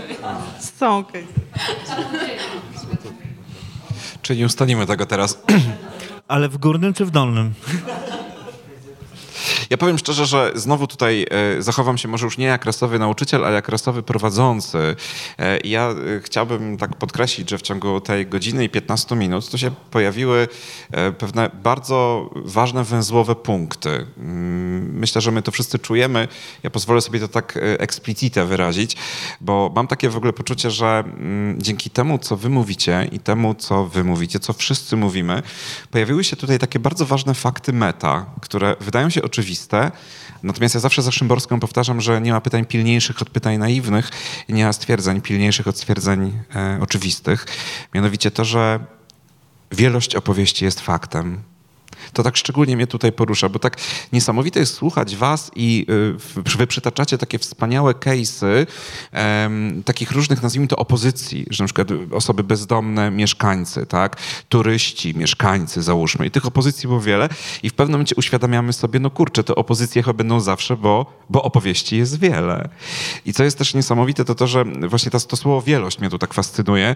Myślę sobie, że każdy z was ma do powiedzenia znacznie więcej niż to jest możliwe podczas półtora godzinnej rozmowy. I to jest też w jakiś sposób oddaje istotę tego, o czym rozmawiamy. E, natomiast właśnie to jest kluczowe. My rozmawiamy. Są filozofowie i filozofki mówiący, że istotą w ogóle wszystkiego, co się dzieje na świecie jest to, że my jesteśmy w stanie ze sobą rozmawiać. I to myślę, że jest w ogóle samo w sobie super. I poza takimi metafaktami to też e, sobie spisuję to wszystko uważnie. A propos tej wielości opowieści, jak już powiedziałem o tym 69, to dla mnie bardzo żywym przykładem tego jest to, że Sopot to jest też miasto księdza Kaczkowskiego. To jest miasto świetnych klubów gejowskich i księdza Kaczkowskiego. Ja jak założyłem Zakon Feniksa, to to był e, właśnie między innymi wiele osób się tak śmiało, bo to był taki międzypokoleniowy e, jakby fakultet olimpijski dla osób tak zwanych silverów, silverek i pokolenia Z. I wiele osób się tak śmiało, mówią, kurczę Przemek, no mówi się, że Sopot to miasto emerytów za dnia, e, imprezowiczów wieczorem, a tu się nagle okazuje, że emeryci i młodzi się spotykają na fakultetach z filozofii, nie? I to z kolei właśnie jakby bardzo mnie tak czuję podczas tej rozmowy, że te fantastyczne osoby, specjaliści i specjalistki pokazują, że nawet jeżeli to jest trudne, to jest możliwe znalezienie jakiegoś jakiejś syntezy właśnie. Czy to za pomocą e, budowania właśnie stricte wspólnoty, czy za pomocą takich fantastycznych, kreatywnych metod e, z Bogoty i z tych innych. I właśnie to z kolei prowadzi do tego, nie wiem, czy widzimy to mocno wszyscy, że podczas tej rozmowy padły case'y. Ja tutaj powiem szczerze, że jeżeli są na sali osoby, które odpowiadają za strategię rozwoju miasta, to mają tutaj notatki proszę robić w ogóle, bo tu padają bardzo cudowne case'y, metody i jeszcze pomysły. Serio, sobie tak spisuję to wszystko w ogóle, e, episodic feature thinking w ogóle i tak dalej, bla, bla, no to po prostu aż się prosi o zastosowanie, nie? Słucham? A. I to jest też ciekawe pytanie, tak swoją drogą myślę warto, a czemu takich osób tu nie ma? Yy, przepraszam, tak technicznie. Ekranami są. O, przed ekranami. Czy będą nas odsłuchiwać? Bo tu padło pytanie, yy, że takich, yy, znaczy w sensie stwierdzenie, że osób odpowiedzialnych za strategię rozwoju miasta nie ma na tym spotkaniu. Natomiast Jestem ja, przepraszam. No właśnie, no właśnie. Musiałam się zgłosić, tak. I strategia jest gotowym dokumentem, który tworzył SWPS, zresztą lokalna urzę... yy, no uczelnia, nie urzędnicy. Yy, I był dokumentem, który konsultowany był bardzo, bardzo szeroko z mieszkańcami i co więcej, będzie rokrocznie ewaluowany. I jako Rada Miasta miasta i samorządowcy. Mamy po raz pierwszy, y, to jest taka strategia, która rokrocznie będzie, e, będzie ewaluowana właśnie i będziemy jakby rozliczenie punktów strategii. Ja w ogóle cieszę się, Olu, że ty to powiedziałaś teraz, a dwa w ogóle też bardzo szanuję, bo myślę, że obecność twoja tutaj e, no, w jakiś sposób też nie jest łatwa, bo kiedy rozmawia się na przykład o Sopocie, no to wiecie, to my tak tutaj pokazujemy te nazwijmy plusy i minusy. Ola jest radną, więc w pewnym momencie można zbudować sobie wokół Oli takie poczucie, no tak, ona tu reprezentuje miasto, a tu krytykujemy i tak dalej. A nie Ola tu końca. jest z nami. Nie do końca tak jest. Ja się czuję dość komfortowo tu, bo ja jestem też mieszkanką i to wszystko, Oj, to co, co tutaj poruszamy, mnie osobiście też dotyczy. Ja też mam swoje ścieżki poza sezonem i w sezonie. E, też mam lokal gastronomiczny, który sezonowo naprawdę e, troszeczkę zmienia swoją szatę i ja wolę e, funkcjonować poza sezonem i cieszę się, że lokalni mieszkańcy najczęściej jednak do nas przychodzą i to są najfajniejsze momenty i o to dbam, żeby, żeby właśnie w takiej przestrzeni głównie funkcjonować, więc nie do końca czuję się jako, jako jakaś strona tego sporu, bardziej jako ktoś, kto faktycznie wie, o czym mówimy. I to też myślę jest piękne, bo to pokazuje, że można być właśnie, można być w jakimś sensie stroną i jednocześnie nie być nią naraz. Tak? Czyli można być osobą, która coś tworzy, a jednocześnie patrzeć na to z tak najzdrowiej rozumianą konstruktywną krytyką. Ja w ogóle mam takie głębokie przekonanie, że to jest w ogóle jedna z największych umiejętności cywilizacji. Że my potrafimy wskazać na przykład swoje e, jakieś takie zakorzenienie nawet w różnych organizacjach i tak dalej, a jednocześnie nazywać respektując wszystkie aspekty konstruktywnej krytyki, nazywać to, co trzeba poprawić. Ja mam takie wrażenie, że gdyby świat tak funkcjonował, to ten świat byłby trochę lepszy. Może to jest naiwne, nie wiem. Marcin tutaj tak zrobił taką minę, nie wiem. Nie, nie, podzielam, podzielam. No, najlepsze pomysły są naiwne, tak. O, to mi się bardzo podoba. Mam takie pytanie w takim razie, mając świadomość, że zostało nam około 10 minut, temat tego spotkania to jest w zasadzie pytanie, jak zbudować nową opowieść? E, zebraliśmy tu i zebrałyśmy case'y, mm, przykłady, metody. E, gdyby każde z was odpowiedziało, powiedziało i to tak, no, każdy tu jest included, że tak powiem, invited może. To jak zbudować tą nową opowieść o Sopocie? Tak to... No ja myślę, że przede wszystkim rozmawiać. Rozmawiać, pytać, y, spisywać te pomysły, y, pytać ekspertów przede wszystkim. Y, I bardzo ważne jest to, żebyśmy my jako samorząd w te głosy się wsłuchiwali i, i stala, starali się budować mądre rozwiązania systemowe. Bo ja bardzo wierzę w to, że te rozwiązania systemowe właśnie są po to, żeby na styku takich przestrzeni konfliktowych jakoś umożliwiać e, i jednej i drugiej stronie no, dobre, dobre funkcjonowanie. Także budowanie zdrowego systemu to bezwzględnie jest e, duże wyzwanie dla, e, dla samorządów, ale nie zrobi się tego bez czynnego udziału mieszkańców. Cieszę się, że Sopocianie akurat tak aktywni są i się często włączają w, w te wszystkie partycypacyjne elementy, które są dla nich stworzone, takie jak budżet obywatelski czy, czy różne debaty, konsultacje, chociażby taka przestrzeń jak tutaj Art Inkubator, to jest przecież przestrzeń do, do tego, żeby o tym rozmawiać. Super, dzięki Olu. Ja bym powiedziała, że razem, co jest oczywiste i z udziałem ekspertów i ekspertek, ale też yy, chyba tak kuluarowo z ludźmi przez przypadek z ludźmi, ale też z nieludźmi. To jest mm. e, bliska mi perspektywa ostatnio, ta e, Bing centryczna, o której mówiliśmy na początku.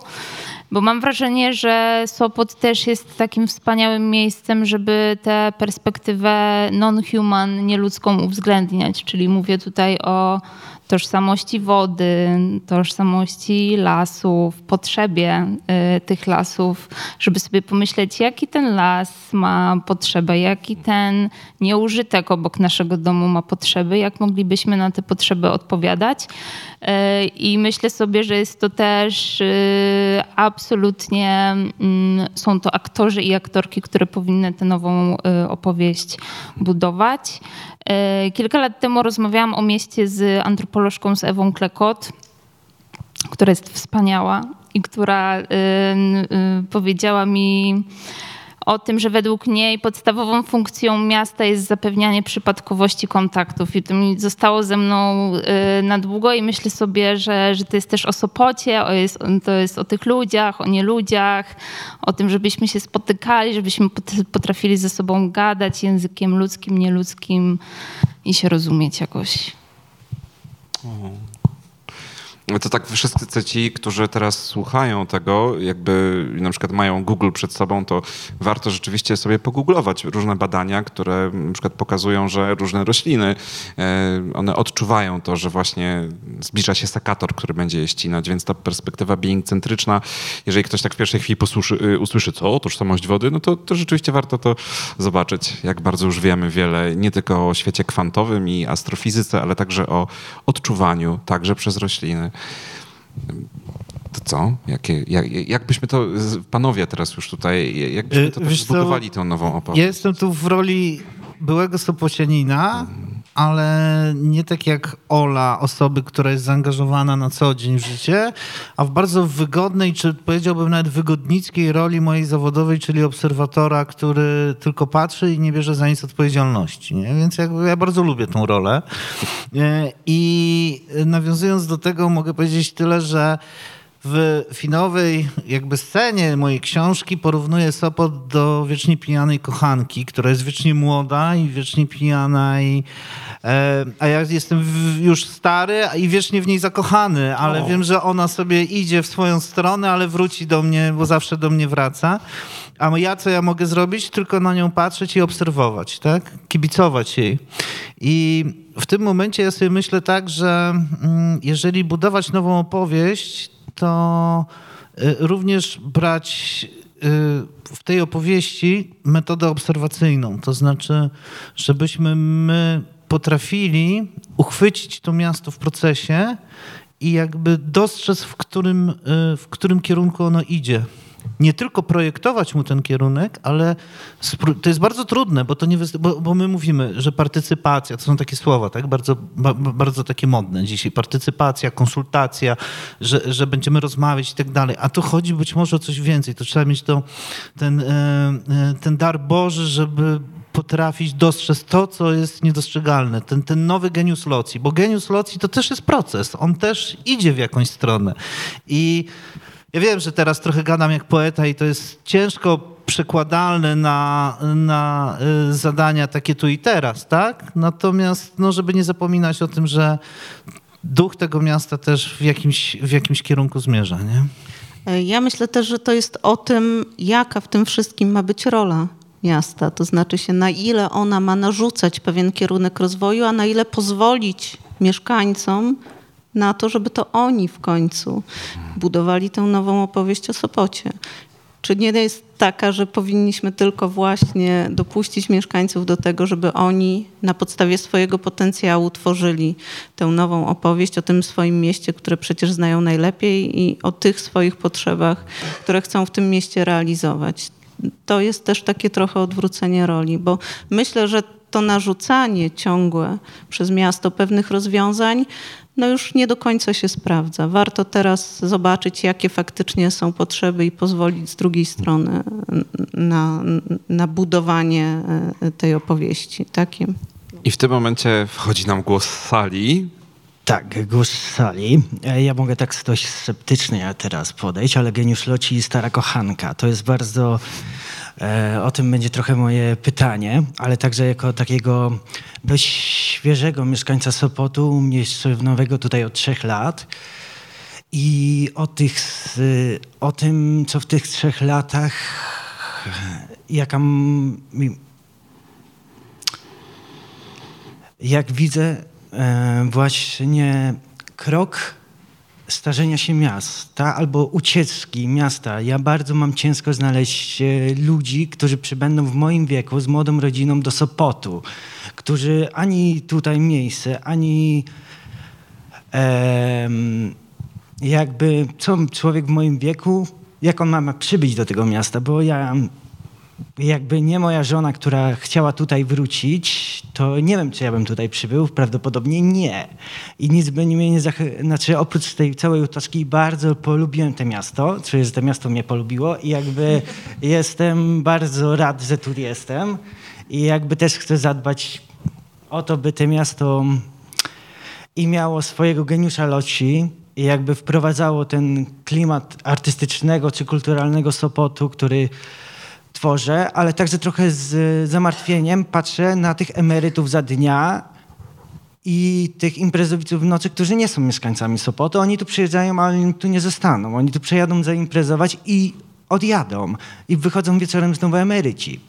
I potem i z tego trzyletniego doświadczenia właśnie jak tutaj Sopocianie się wyprowadzają. Moi sąsiedzi, co miesiąc każdy jeden mówi, że się wyprowadza i sprzedaje mieszkanie za miliony. Przecież człowiek w moim wieku, nie, jakby młodzi nie przyjadą, nie kupią. I zamiast sąsiadów mam luksusowych sąsiadów, którzy mają apartamencik na wakacje i te prestiżowy luksus zamiast sąsiad, wspaniałej sąsiadki, która była przed chwilą. I to się dzieje. I nawet ci fajni sąsiedzi też się wyprowadzają i ja zostaję taki osamotniony i tylko liczę, ile mam hoteli zaraz obok siebie, a mieszkam w Dolnym Sopocie i, i tak, jakby ludzi z, moich, z mojej ulicy, to mi nawet, ja mogę, nie, nie wiem, czy na jednej ręce się zmieszczą. I... Tak, właśnie chciałam o tym powiedzieć, Tutaj że... strategia miasta, żeby jednak ono się nie zestarzało, albo po prostu nie wymarło takim życiem, nie stało się tylko luksusową kością słoniową, w której przyjadą turyści i wyjadą. Takie moje pytanie. Ja bym chciała tylko dopowiedzieć, bo ja jestem mieszkanką od 20 lat e, w Sopocie i myślę, że nie, nie wydaje mi się, aby Sopot mógł zrezygnować z turystów, bo strumień turystów po prostu jest i Sopot z tego żyje. Natomiast z perspektywy mieszkań, mieszkanki tutaj uważam, że takim życiodajnym, e, życiodajną przestrzenią jest tworzenie takich kameralnych e, przestrzeni do spotykania się. Swojego czasu, był, mówię, nie wiem ile lat temu, ale kiedyś były targi śniadaniowe i to była taka, taka przestrzeń, która była była genialna, ale gdy była przy Muzeum Miasta Sopotu, w momencie, kiedy przeniosła się na Mąciak, e, nagle straciła zupełnie swój charakter. I gdybym widziała gdzieś rolę miasta, to rozumiem, że ono przez lata byliśmy takim no, miastem, ale i państwem na dorobku. I rozumiem, że była infrastruktura, że drogi i tak dalej, i tak dalej. Natomiast mam wrażenie, że jest już teraz taki poziom nasycenia tą infrastrukturą, że tej przestrzeni jest na tyle dużo, że może jest czas budowania właśnie takich enklaw, takich prze, e, miejsc spotkań właśnie, tak żebyśmy mogli się spotkać. I na przykład to, co inkubator robił latem, czyli koncerty w parku, było właśnie takim ele kolejnym elementem myślenia o tym, że ci mieszkańcy i tak się będą musieli jakby przetrwać to lato, więc dajmy sobie mieszkańcom takie enklawy, które będą kameralne, ale będą pozwalały się nam spotykać i jakoś trwać w tej sytuacji e, tego napływu turystów.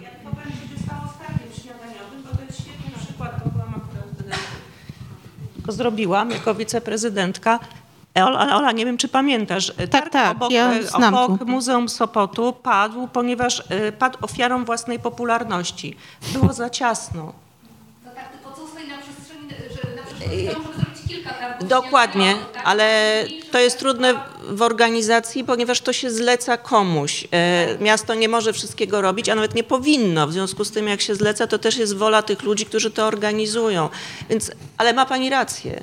Dlatego, tak. tak, prawda, Ola, że takie miejsca powinny być, absolutnie. Tak, to robił partner zewnętrzny, któremu przestało się to opłacać. To znaczy się w, sytu- w chwili, kiedy w Muzeum Miasta zrobiło się za mało miejsca i było za ciasno, próbowano znaleźć im inną przestrzeń. Na Monte Cassino to straciło zupełnie swój, e, swój charakter i No nie to, było to ja, tym, Dobrze, to ja to o co nam jakby, chodziło. To był case, tak? To Tak. był case. Ale mamy wiele takich przestrzeni, chcę pani tak, ale powiedzieć, bo na przykład, to, co miasto Sopotu robiło w te wakacje, to znaczy robiło małe kameralne spotkania w sobotę o 12 wokół, nie wiem, warsztatów bukieciarskich, czy robiło wokół, już nie wiem, tam strugania z drewna, tak? E, Ale to był właśnie taki moment koincydencji, o który turyści raczej nie przychodzili, bo to było zbyt takie niszowe, natomiast było przestrzenią do spotykania się i miejscem dla wytchnienia dla mieszkańców, tak? Czyli nie było nastawione na masową turystykę, masowego turystę, a jednak było ofertą dla ludzi stąd. Ale staramy się aktywizować takie miejsca. Dobrym przykładem myślę są Sopockie Błonie, gdzie faktycznie takie małe kameralne wydarzenia e, działy się i ta przestrzeń e, weekendowo jest bardzo fajnie zagospodarowana przez mieszkańców. Oni nawet sami organizują tam sobie jakieś zumby, jogi. Faktycznie jest tam sporo seniorów, ale ten senior Sopocki też nie jest takim standardowym seniorem, bo on naprawdę bardzo dużo robi. Za Sopocką seniorką jest bardzo ciężko nadgonić, bo ona we wtorek idzie na potańcówkę, w czwartek ma jogę w bibliotece, a, y, a w niedzielę idzie na kijki po Trójmiejskim Parku Krajobrazowym, więc faktycznie to jest troszeczkę e, inna jest ta sopocka mm, wizja seniora. Jeżeli chodzi o takie ciekawe przestrzenie, to ja bardzo lubię i patrzę na e, Sopocki Rynek, który dla mnie doskonałą jest przestrzenią do tego, żeby go zaktywizować poza dniami targowymi. Tam naprawdę już kiedyś było kino, nie wiem, czy Państwo mieli okazję e, Tak, przy okazji Sopot Film Festiwalu był wystawiony ekran i naprawdę ta przestrzeń bardzo fajnie funkcjonuje. Także tak, zdecydowanie to jest dla nas, żeby odciągnąć to życie z centrum od Monte Cassino i tworzyć takie małe przestrzenie gdzieś wokół. Ale y, z tego, co pan mówił, wynika jasno, że tworzy się szansa. Ja rozmawiałem z Jackiem Karnowskim przy okazji pisania książki i powiedział mi, że on też by chciał y, ograniczyć albo wyeliminować wynajem krótkoterminowy. To jest coś, co jest po prostu brzytwą dla tego miasta, tak? I to jest coś, co powoduje wzrost, jest bardzo ważnym czynnikiem tego nadmiernego wzrostu e, cen nieruchomości i też w efekcie wyludniania się pewnych, pewnych obszarów miasta, tak? I teraz Jacek idzie do Sejmu, proszę bardzo, będzie tworzył e, przepisy. Dokładnie. Czekamy na przepis, który umożliwi samorządowcom e, ograniczanie na swoim terenie e, wynajmu. Dokładnie i będziemy, i będziemy go z tego rozliczać. Dlatego, że faktycznie do tej pory nie mogliśmy nic zrobić z najmem krótkoterminowym. Nawet Sopot już napisał swój projekt ustawy, zmiany ustawy o najmie krótkoterminowym. Ale leży on w tak zwanej zamrażarce sejmowej, więc liczymy na to, że będąc w Sejmie się tym zajmie. Podobnie rzecz ma się z sopockimi lasami.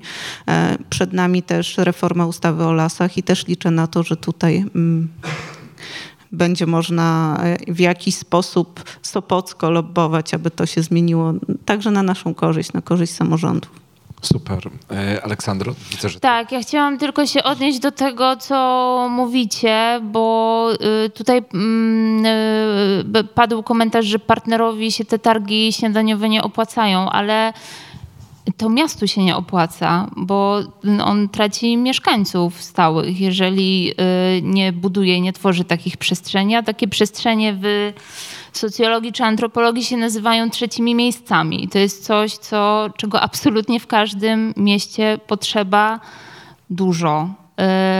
I ja sobie to układam zawsze na takim spektrum, że z jednej strony mamy nie miejsca, czyli takie miejsca, do których w ogóle nie mamy żadnego stosunku emocjonalnego, omijamy je, przechodzimy y, bez emocji i mamy trzecie miejsce, czyli to miejsce, które ani nie jest naszym domem, nie jest naszą pracą, w której też spędzamy dużo czasu, tylko jest taką przestrzenią, gdzie można się pozbijać, można kogoś spotkać, przysiąść, y, nie musieć wydawać tam pieniędzy, tylko po prostu spotkać mieszkańca, mieszkankę, sąsiada, sąsiadkę i myślę, że to jest... Siedzimy w takim trzecim miejscu. No, no właśnie. To jest kreacja Sopocka. I mam takie poczucie, że tutaj, jak tak słucham tego wszystkiego, przypomina mi się takie zdanie, że y, complexity is the enemy of execution, czyli po prostu siłą rzeczy no, złożoność e, jest naprawdę, może, ja to tak mówię, nie tyle wrogiem, co wielkim problemem w zakresie wykonywalności różnych rzeczy.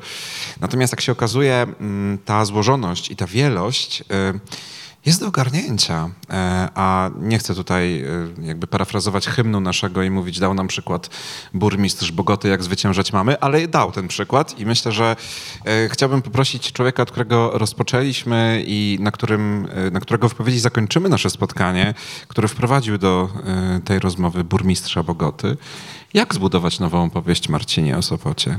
To ja najpierw podsumuję to, co padło już, to pójdę na łatwiznę. Y, czyli co, na pewno oddolnie, że nikt nie narzuca odgórnie, tylko ona jest jakoś wypracowywana wspólnie. Polifonicznie, czyli że to są różne głosy i spotkania. Musi być wpisana w tę lokalną przestrzeń a może nawet być tą przestrzenią. Ta metafora Gullivera mi się bardzo podobała, to znaczy, żebyśmy myśleli o miejscowości. Miejscowości turystycznych dotyczy to jakoś szczególnie w taki właśnie horrorowy wręcz sposób, czyli że one są jak taki żywy organizm, jeden, który nas albo chce uwięzić. 25 albo... października, premiera nie, gościni, pamiętamy w ogóle. To są miejscowości ja... turystyczne. Dobrze, ale ja dbam tutaj o jakby promocję fajnych książek. No mów dalej, proszę. E, no właśnie. E, pewnie jakaś tam oś czasu by się przydała, żeby ona uwzględniała naszą przeszłość, naszą teraźniejszość, ale też nie zapominała w, o tym, że najważniejsze jest jednak to, co przed nami i przyszłość. I na koniec y, chciałbym powiedzieć, bo y, filozofia w ogóle jest kiepska w odpowiadaniu na pytania, dużo lepsze jest w mówieniu, dlaczego to są źle zadane pytania. I y, my pracując nad różnego rodzaju strategiami, takim głównym pytaniem, które zadajemy jest dlaczego, why? E, I nie wiem, potem specjaliści od geopolityki się spotykają i pytają, dlaczego terroryści zaatakowali, no bo był tam w, w ucisk, niezadowoleni i tak dalej, ale od 30 lat była taka sytuacja, tak? Albo identyfikujący przyczyny katastrof budowlanych, dlaczego sufit spadł tak? No bo grawitacja, bo był źle przyczepiony, bo coś, no ale od 30 lat tak była, grawitacja to pewnie nawet dłużej. Więc właściwe pytanie, które warto sobie zadawać przy projektowaniu tego typu opowieści, w różnej formie, skodyfikowanych planów i tak dalej, nie brzmi dlaczego, tylko dlaczego właśnie teraz. To jest połączenie pytania o sens z kontekstem. Dlaczego, jaki jest sens, ale w sytuacji tego, co się zmienia na świecie sytuacji tego, czego dzisiaj potrzebują mieszkańcy, sytuacji tego, kto tutaj i, i, jak się spotyka, więc fajnie by było, gdyby Sopot szukał teraz takiej odpowiedzi, nie tylko z pytaniem dlaczego, po co my jesteśmy, ale dlaczego właśnie teraz, dlaczego jest pora na zmianę? I jeśli się kiedyś zastanawialiście nad tym, dlaczego nie działa taki prosty wzór na zmiany w swoim życiu, że okej, okay, mam motywację i mam siły, żeby to zrobić, no to zwykle brakuje właśnie tego trzeciego elementu. On się w semiotyce nazywa promptem albo triggerem, czymś, co wyzwala zmiany. Znaczy, jeśli sobie powiemy, tak, zmienię opony w samochodzie, ale nie powiem, tak, zmienię opony w samochodzie jutro po obiedzie, no to nigdy nie zrobimy tej zmiany i to jest właśnie to, jak silne jest potrzeba zadawania pytania, dlaczego właśnie teraz. Dzięki. E, dzięki. I tu jeszcze głos z sali. Jeszcze jeden głos z sali. E, to miał być ostatni już e, podsumowujący głos pana Marcina. Ja jednak wrócę do tego pytania, jak zbudować nową opowieść o Sopocie. I to pytanie odbiję do pana Tomasza, który wydaje mi się być największym skarbnikiem opowieści sopockich, bo cały czas chodzi mi po głowie coś takiego, że ludzie pójdą za opowieścią, która jest lepka, która jest nośna, która jest ciekawa i nawet jeżeli te wszystkie komponenty, o których Państwo mówiliście, one się pojawią, to to, co będzie nośnikiem, to, co będzie falą, to, co będzie tworzyło tą wspólnotę, no to będzie ta wspólna opowieść. Czy byłby Pan w stanie wskazać taką opowieść z tej barwnej palety opowieści, które Pan zebrał? No właśnie, wejdę w polemikę z panią. To znaczy, czy chodzi o to, żeby ludzie poszli za opowieścią? Żeby potraktowali ją jak swoją. No żeby właśnie. się z nią utożsamili. Więc ja opowieść o Sopocie yy, yy, postrzegam jako pewną pojęczynę opowieści, która nitki się łączą w pewnych punktach ze sobą, żeby się natychmiast so- od, od siebie rozejść.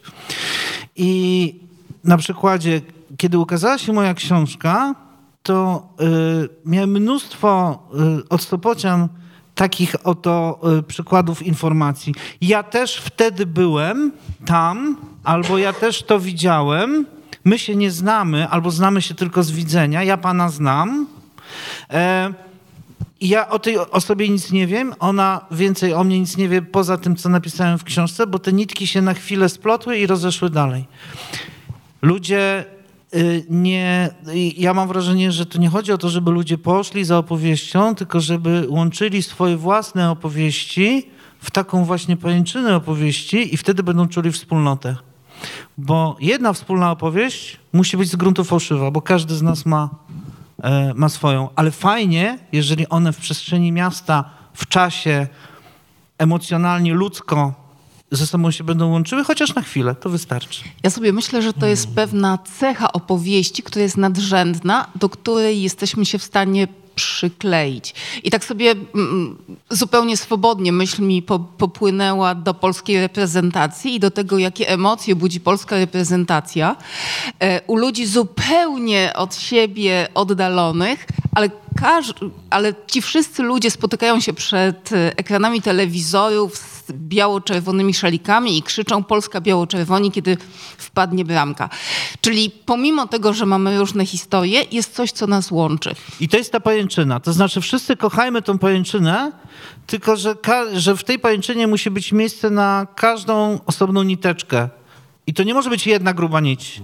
To musi Co, być. co w Sopocie jest ta, tak in, in, e, int, e, pomóżcie mi, to słowo, które jednoczy. Co w Sopocie jest tak jednoczącego, żeby ludzie poczuli tą wspólnotę pajęczyn? y, n- nie mój. Wietrzne miasto. Bo ja mam wrażenie, że mm, są dwa rodzaje opowieści. Ja wiem, że już koń- powinniśmy kończyć, no ale pani jakby tutaj mnie wywołała do odpowiedzi, przepraszam. Właśnie przepraszam. Jest jedna opowieść jakby mm, brandowa. I to jest ta opowieść, że każdy zna... Moi rodzice byli dumni, kiedy ja z nimi rozmawiałem e, w latach 80., kiedy byłem dzieckiem, o Sopocie lat 70. O tym Sopocie e, gierkowskiego kurortu, gdzie Wądraczkowa z Rodowiczką i z z Krajewskim, z czerwonymi gitarami, z non-stopem, z tym wszystkim. To była jakaś taka opowieść. I to była opowieść, e, wokół której mam wrażenie jednoczyło się pokolenie młodych rodziców z lat 70., czyli pokolenie moich, moich rodziców, którzy tutaj w Sopocie e, zasiedlali gierkowskie bloki na Mickiewicza czy na Brodwinie. To jest ta opowieść. Każdy z nich miał swoją własną opowieść. To znaczy pani na Brodwinie gdzie indziej chodziła z wózeczkiem niż pani z Mickiewicza i, inną, i, i kupowała chleb w innej piekarni. Jeśli mogę przerwę y, i zadam pytanie o przyszłość, bo mówimy o przeszłości Ale zaraz teraz. momencik. I teraz tak, te niteczki, one są... e, Przepraszam, to teraz ja muszę przerwać. Wiecie co, bo to w ogóle ja chcę powiedzieć z całą mocą, że w ogóle to jest najpiękniejsza rzecz, jaka może być. Bo to, to jest dokładnie ym, uzasadnienie, że rozmowa trwa. Rozmowa się toczy. Natomiast myśląc o strategii being centrycznej, o wszystkich, którzy są tutaj zaangażowani, czyli państwo, y, operatorzy, cudowna pani tłumaczka, y, ja bardzo nie chcę, żeby te osoby miały poczucie dyskomfortu, że to się przedłuży, a myślę, że moglibyśmy tak gadać. Więc w imię komfortu nas wszystkich, troski o nas wszystkich, ja mam taką propozycję, żeby to był ten moment, którym e, zacytuję po prostu klasyka, e, reszta w kuluarach, dobrze?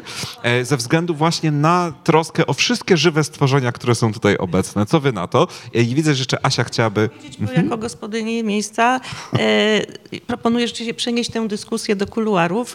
Natomiast na koniec już chciałam Państwu bardzo, bardzo podziękować i Państwu chciałam bardzo podziękować, że przyszliście.